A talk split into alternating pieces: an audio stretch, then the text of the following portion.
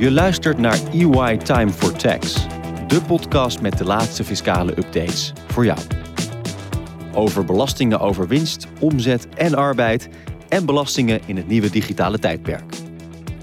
Wij gidsen je in een klein half uur door de ontwikkelingen op het gebied van fiscaliteit. In deze aflevering van EY Time for Tax kijken we terug op Prinsjesdag 2022. Een historische Prinsjesdag met tal van incidenten en heel veel nieuws. Maar was het ook voor de fiscaliteit een historische Prinsjesdag? Mijn naam is Jos Schreters en ik praat hierover met Jan Bertram Rietveld, partner bij EY en specialist loonheffingen. Roxanna Pos, partner bij EY en specialist voormiddelrecht en vermogende particulieren. En met Walter de Wit, partner bij EY ook en hoogleraar indirecte belastingen aan de Erasmus Universiteit in Rotterdam. Welkom alle drie. Allereerst heel kort een reactie daarop. Was het inderdaad een, eh, een historische Prinsjesdag? Jan Bertram? Ik heb nog niet eerder meegemaakt dat de helft van de wetswijzigingen in de aanbiedingsbrief bij het belastingplan stonden in plaats van het belastingplan zelf. Er is een belastingplan ingediend met een begeleidende brief. Ja, door de tijdsdruk hebben we toch wat dingen gewijzigd. Of gaan we dingen wijzigen? Dat staat eigenlijk niet in het plan. Dat staat in deze begeleidende brief, wordt vervolgd. Dus we zijn benieuwd. Ook een beetje last minute dus, zoals eigenlijk eh, de hele uh, miljoenennota en uh, de plannen die nog uh, ingediend werden deze Prinsjesdag. Nou gebeurt er vrij veel in de wereld, dus dat daar wat druk onder stond begrijp ik wel. Maar dit had ik nog niet eerder gezien. Roxana, wat is jouw indruk van, is het ook wat jou betreft in jouw vakgebied historisch? Ja, op zich wat je, wat je ziet is dat er echt een verschuiving plaatsvindt van arbeid naar uh, vermogen. Uh, qua belastingheffing. Uh, dat is wel uh, redelijk historisch, ja. ja. En Walter, op jouw vakgebied, heb je daar ook belangrijke historische verschuivingen waargenomen? Uh, nou, verschuivingen. Uh, mijn vakgebied staat vooral in teken van uh, de energiecrisis, zou ik eigenlijk zeggen. In combinatie met allerlei maatregelen op het gebied van duurzaamheid. Ja. Maar die energiecrisis is natuurlijk wel, ja, dat is wel historisch, zou ik zeggen. Nou, laten we er eens wat dieper op, op inschuiven. Ik wil beginnen met Roxana. Wat, wat valt jou nou op als je naar die, naar die plannen kijkt? Nou, als je naar de plannen kijkt, wat, je, wat ik net al zei, je ziet echt een verschuiving van belastingheffing van arbeid naar vermogen. Het hele belastingpakket staat ook echt in het teken van uh, ja, eigenlijk het koopkrachtherstel. En tegelijkertijd ook het uh, rechtsherstel van box 3. Je ziet ook een aantal, wat Walter al noemde, in het kader van de energiediscussies. Zie je ook fiscale maatregelen om eigenlijk klimaatvriendelijk gedrag te stimuleren. En wat we ook uh, zien, waar echt wel een, een focus op zit uh, dit keer, is dat ze de, de belastingdruk tussen werknemers, uh, zelfstandigen en directeur groot aandeelhouders meer gelijk willen trekken. Mm -hmm. En Jan Bertram, als we naar jouw portefeuille kijken, als ik het zo maar zeggen, jouw specialisme, hè, de, de loonbelasting, dat gaat eigenlijk toch maar over heel kleine bedragen. Waarbij we altijd zeggen, massaliteit, maar futiliteit is een gigantisch bedrag. Want een klein bedrag per kilometer is voor iedere werknemer soms 20, 30, 40 keer. En dan nog een keer naar huis terug. En dat een keer 214 dagen. Dus kleine bedragen zijn juist verraderlijk en dus belangrijk. Ja. En uh, Roxana had het over die directeur groot aandeelhouder, de positie daarvan. Uh, daar zie je ook wel wat veranderingen. Ja, de directeur groot aandeelhouder is voor de loonbelasting natuurlijk een wonderlijk fenomeen. Want je bent eigenaar van het bedrijf. Uh, dus je hebt het voor het zeggen. Je bent directeur van het bedrijf en dus in fiscale zin ook werknemer van het bedrijf. En dus je bent je eigen werknemer. Nou, dat is makkelijk onderhandelen over je salaris. Dat is makkelijk onderhandelen over je arbeidsvoorwaarden. En als je dat puur fiscaal zou benaderen, dan zou je zeggen: Nou, doe mij maar zo min mogelijk salaris. En zoveel mogelijk sparen in de toekomst of dividenduitkeringen. Dat is allemaal veel gunstiger. Wetgever is niet gek. Dus daar is natuurlijk een regeling voor getroffen. waarbij gezegd is: van nou, zo'n directeur groot aandeelhouder die voor zijn eigen BV werkt, die moet daar wel een salaris uithalen. waar belastingbesparing geen rol speelt. Oftewel, dat salaris moet gebruikelijk zijn. Mm en uh, hebben ze natuurlijk een hele ingewikkelde, tenminste allemaal uitzonderingen op uitzonderingen, regeling voor gemaakt. Maar eigenlijk bottom line is het van ja, wat is nou een gezond salaris? Oftewel, iemand die hetzelfde doet, maar geen directeur groot aandeelhouder is, wat zou je die dan betalen? Laten we eens kijken naar je tweede werknemer, tenminste de werknemer die daar het meest verdient binnen de onderneming. Laten we eens kijken in de markt, wat speelt daar? Dat is een redelijk salaris. Maar ja, dan is de directeur toch weer net even wat anders. Want je hebt wat risico, je hebt wat kosten. En bovendien, je moet ook een beetje eh, ruimte laten voor een gezond compromis tussen Belastingdienst en de directeur groot aandeelhouder. Dus niet op het dubbeltje gaan zitten, want dat wordt echt een hele strakke scheidslijn.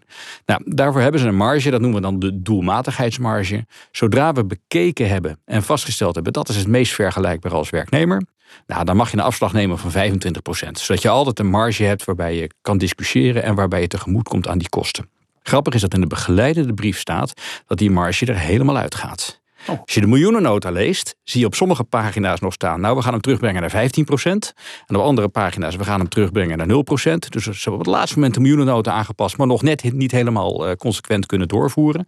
Maar uit de begeleidende brief bij het Belastingplan blijkt... dat um, het salaris van de directeur groot aandeelhouder exact gelijk moet zijn aan het salaris wat de meest vergelijkbare werknemer krijgt. Ja, en dat betekent dat de Belastingdienst dus de opdracht krijgt van de wetgever, want zo zit hij dan wel, om een gesprek te gaan met alle bedrijven van ja, betalen jullie wel aan de directeur wat je ook aan een werknemer met dezelfde verantwoordelijkheden zou hebben gedaan.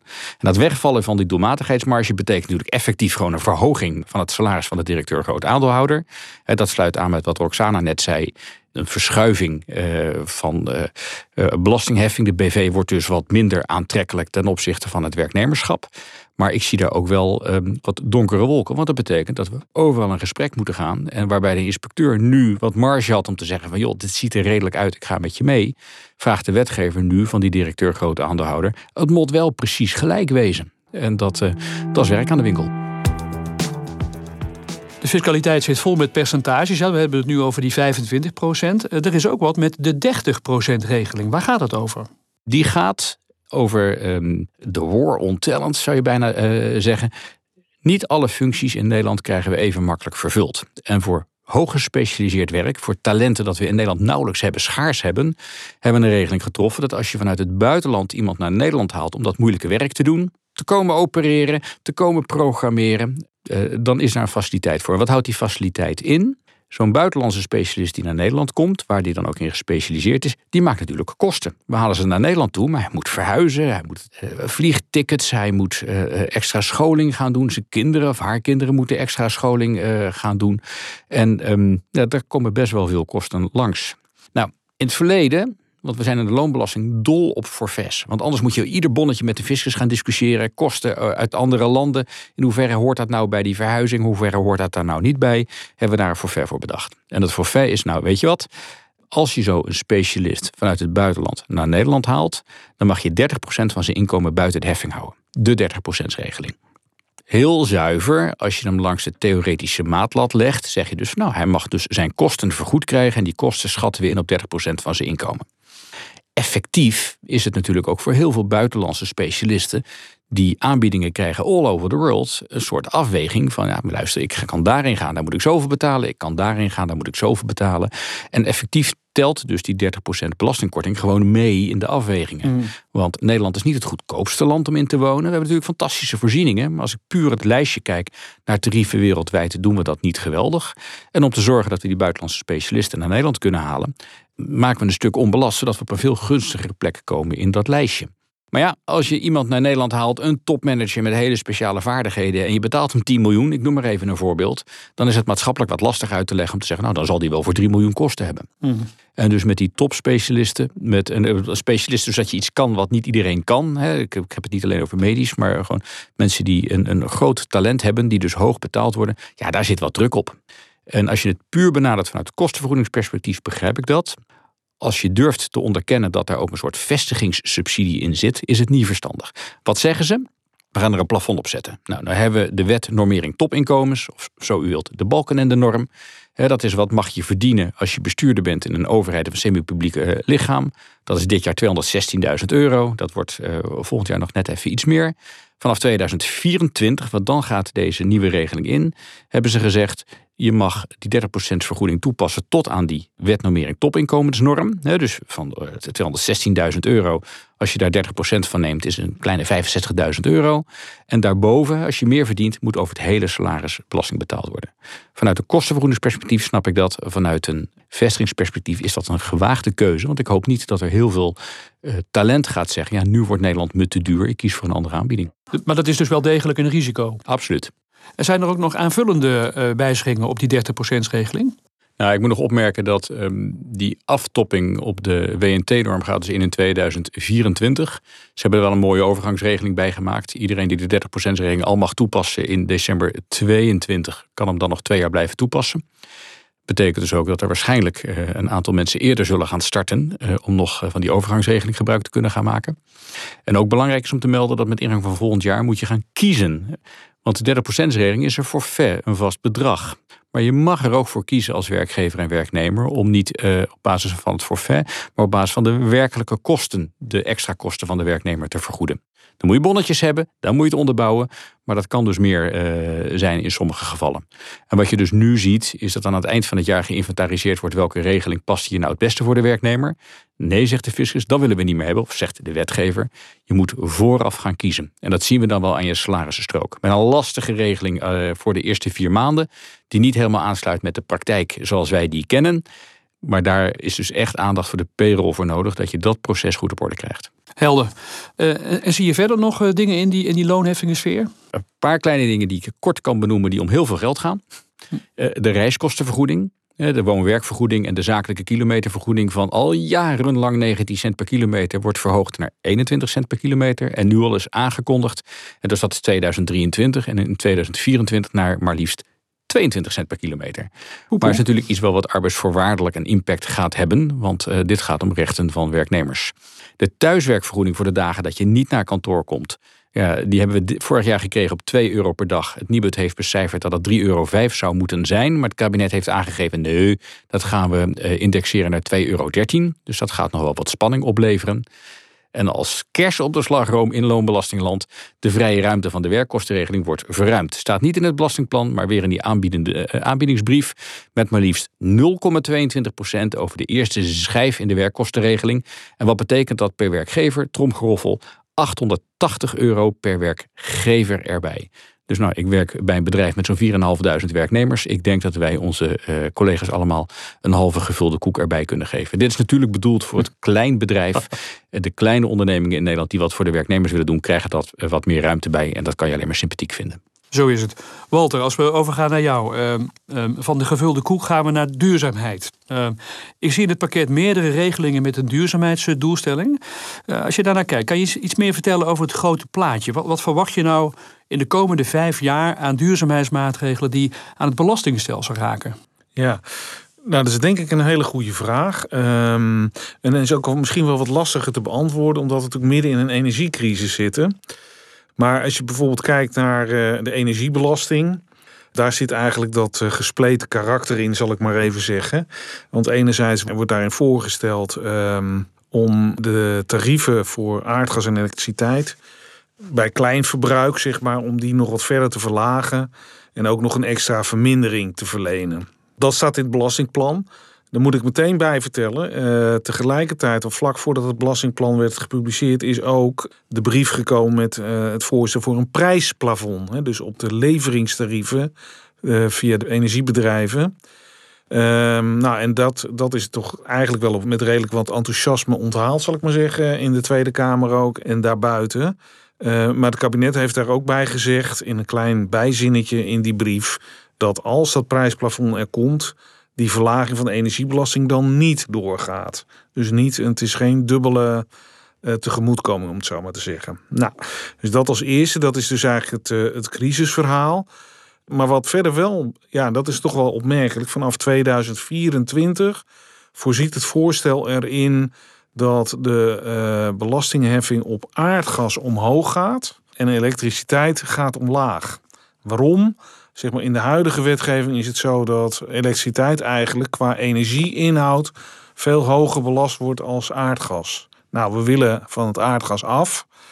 Dus dan is het natuurlijk raar eh, om op die manier belasting te heffen. Dus zegt, uh, stelt het kabinet voor, we gaan nu over een periode van vijf jaar, vanaf 2024, gaan we zeg maar dat verschuiven. Dus aardgas hoger belast, elektriciteit lager belast. Nou, je snapt natuurlijk al, gaat dat wel gebeuren, gelet op de energiecrisis. Want ja, de aardgasprijzen zijn al torenhoog. Als je dan ook nog deze verschuiving eroverheen gooit, dan wordt het nog, maak je het alleen nog maar erger. Ja, je, weet dus, niet, ja. je weet niet of die in 2024 die oorlog in de Oekraïne bijvoorbeeld is afgelopen. Precies, dus of dit haalbaar is, dat moeten we maar afwachten. Maar het staat wel in het, uh, in het wetsvoorstel. Het is ook een stimuleringsmaatregel, denk ja. ik. Hè? Want dat je de warmtepomp wel kunt gebruiken in plaats van je cv-ketel. Ja, precies. Ja.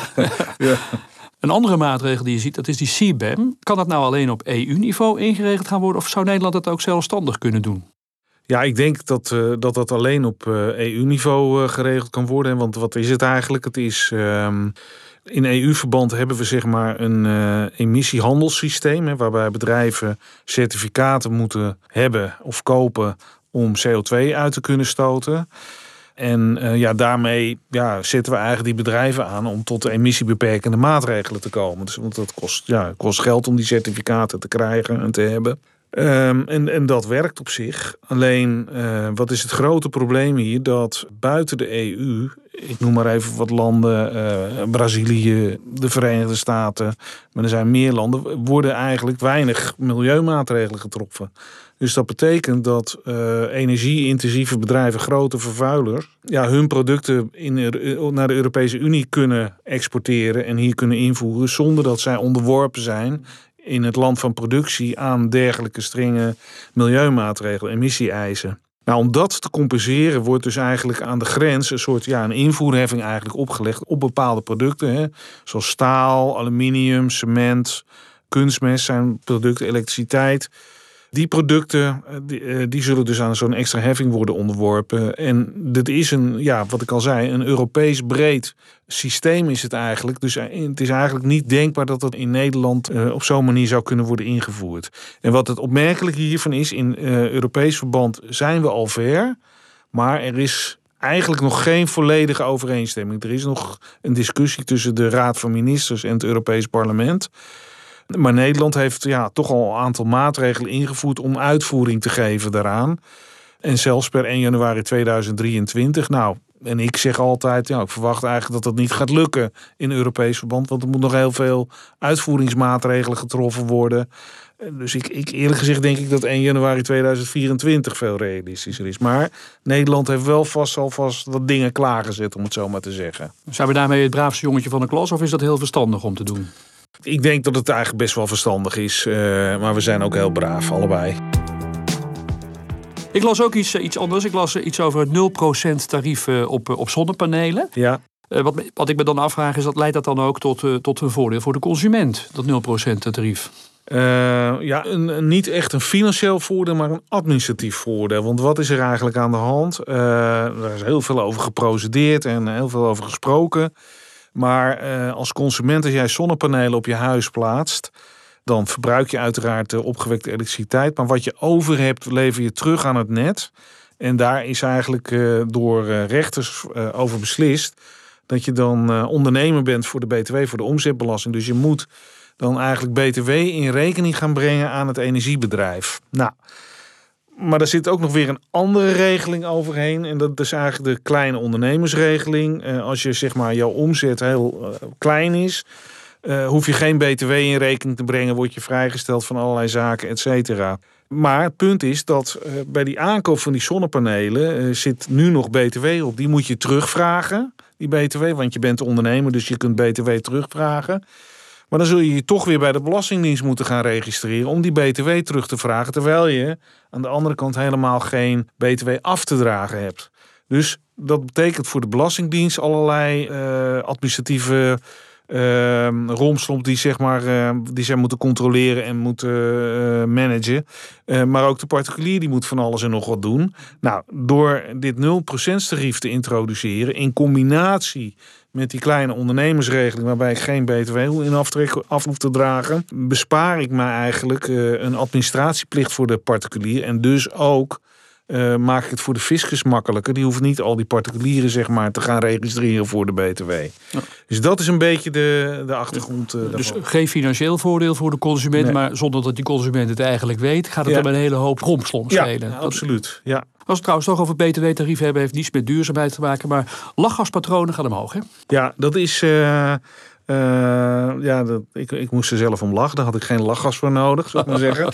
Uh, maar uh, ja, die, die zijn als geneesmiddel kennelijk onderworpen aan het verlaagde tarief. En dat wordt nu naar het normale tarief overgebracht. Dus ja, een beetje een symboolmaatregel zou ik eigenlijk willen zeggen. En gaan die slagroomspuiten dan ook veel duurder worden? Die, de, zeg maar, ja, op, op, ja, ja, die op straat gebruikt worden met die ballonnetjes. Zou, zou, zou zomaar kunnen. Ja, het zou zomaar kunnen, ja.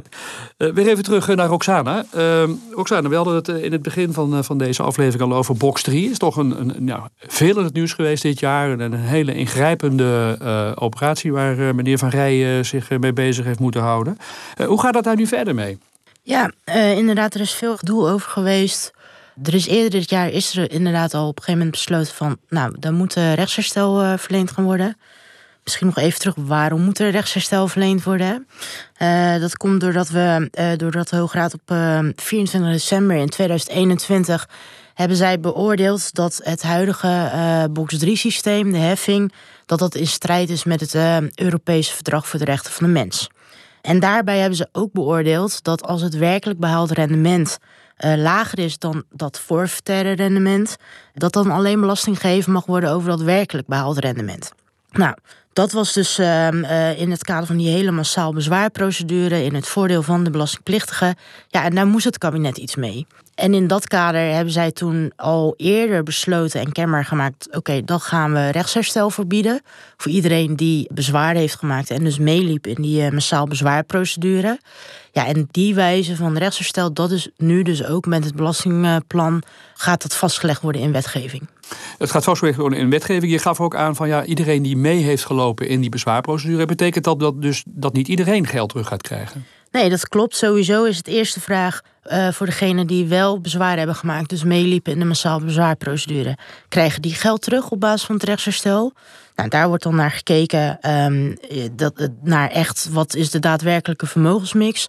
Dus dan kijken ze naar, nou oké, banktegoeden, als je dat bezit, dat wordt ongeveer uh, geacht ongeveer een rendement van rond de 0%.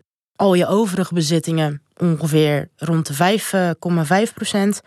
Um, en je schulden, daar gaan ze eigenlijk vanuit dat, dat je daar ongeveer ja, tussen de 2,5 en 3,5 procent uh, rente overschuldigd bent. Uh, dus dan gaan ze dan eerst weer opnieuw berekenen wat zou dan je inkomen in box 3 zijn, waar dan uh, 31 procent belasting overschuldigd is. Dus daar komt ook al een groep uit die helemaal geen recht heeft op een teruggave. Aan de andere kant is er een groep die met de nieuwe berekening wel een teruggave heeft. En dat heeft de Belastingdienst nu de afgelopen paar maanden, in ieder geval voor de jaren 17 en 18, in kaart gebracht en afgewerkt. Ehm, maar daarnaast heb je natuurlijk ook nog een groep die geen bezwaar hebben gemaakt. De niet-bezwaarmakers worden die ook wel genoemd. Ja, en dat is eigenlijk wel een hele lange tijd is dat een discussiepunt geweest. Ja, wat gaat daarmee gebeuren? Ook daar heeft de Hoge Raad alweer een keertje eerder over geoordeeld. Van wat daarmee moet gebeuren. Toen was er al geoordeeld door de Hoge Raad. Nou, degene die niet bezwaren hebben gemaakt. Ja, dan is de, de overheid niet verplicht om daar ook een rechtsherstel voor te bieden. Maar ja, op een gegeven moment heeft de staatssecretaris wel uitlatingen gedaan. waarmee de indruk was gegeven dat die mogelijk toch wel uh, iets uh, zouden kunnen krijgen. Er was namelijk aangegeven dat iedere belastingplichtige ja, heeft het recht om een, verzoek om een ambtshalve vermindering te doen. Dus ja, aangeven, ik heb ook lager rendement. Dus ik heb ook recht op een, een teruggave.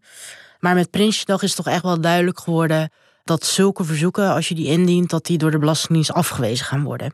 Ja, en wat ik al zei, dat is eigenlijk ook in lijn wat de Hoge Raad al eerder heeft geoordeeld. Ja, en uiteindelijk is het dan toch een politieke keus of er 4,5 miljard ongeveer uh, besteed gaat worden voor de extra compensatie voor die niet-bezwaarmakers. Ja.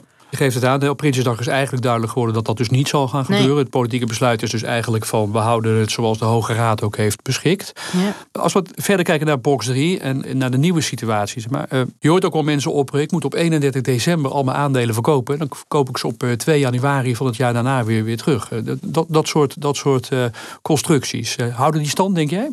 Nee, die houden, ehm, dat weten we ook, dat, die houden geen stand.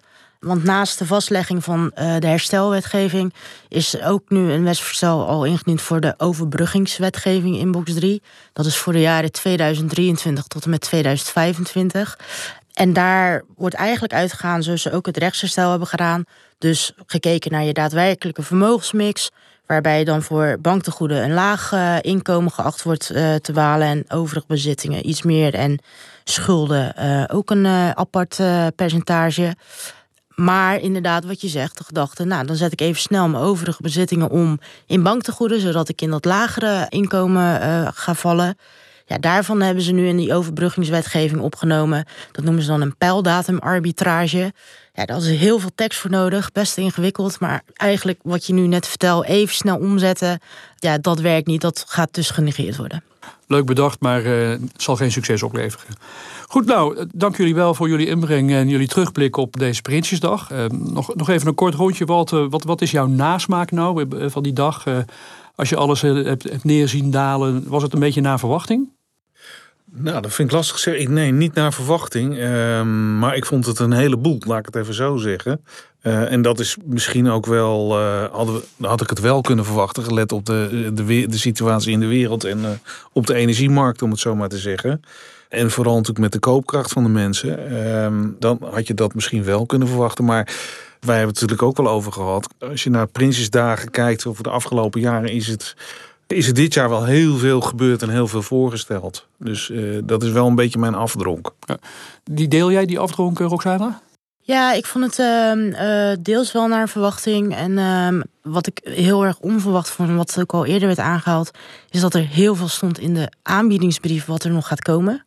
En persoonlijk ben ik bijvoorbeeld heel erg benieuwd wat er nog gaat komen over de bedrijfsvolgensregelingen. Mm -hmm. want daar is bij dit belastingplan uh, ja, niks opgenomen. Maar het is wel aangekondigd dat ze daar nog op terug gaan komen. En Jan Bertram, jouw afdronk tenslotte?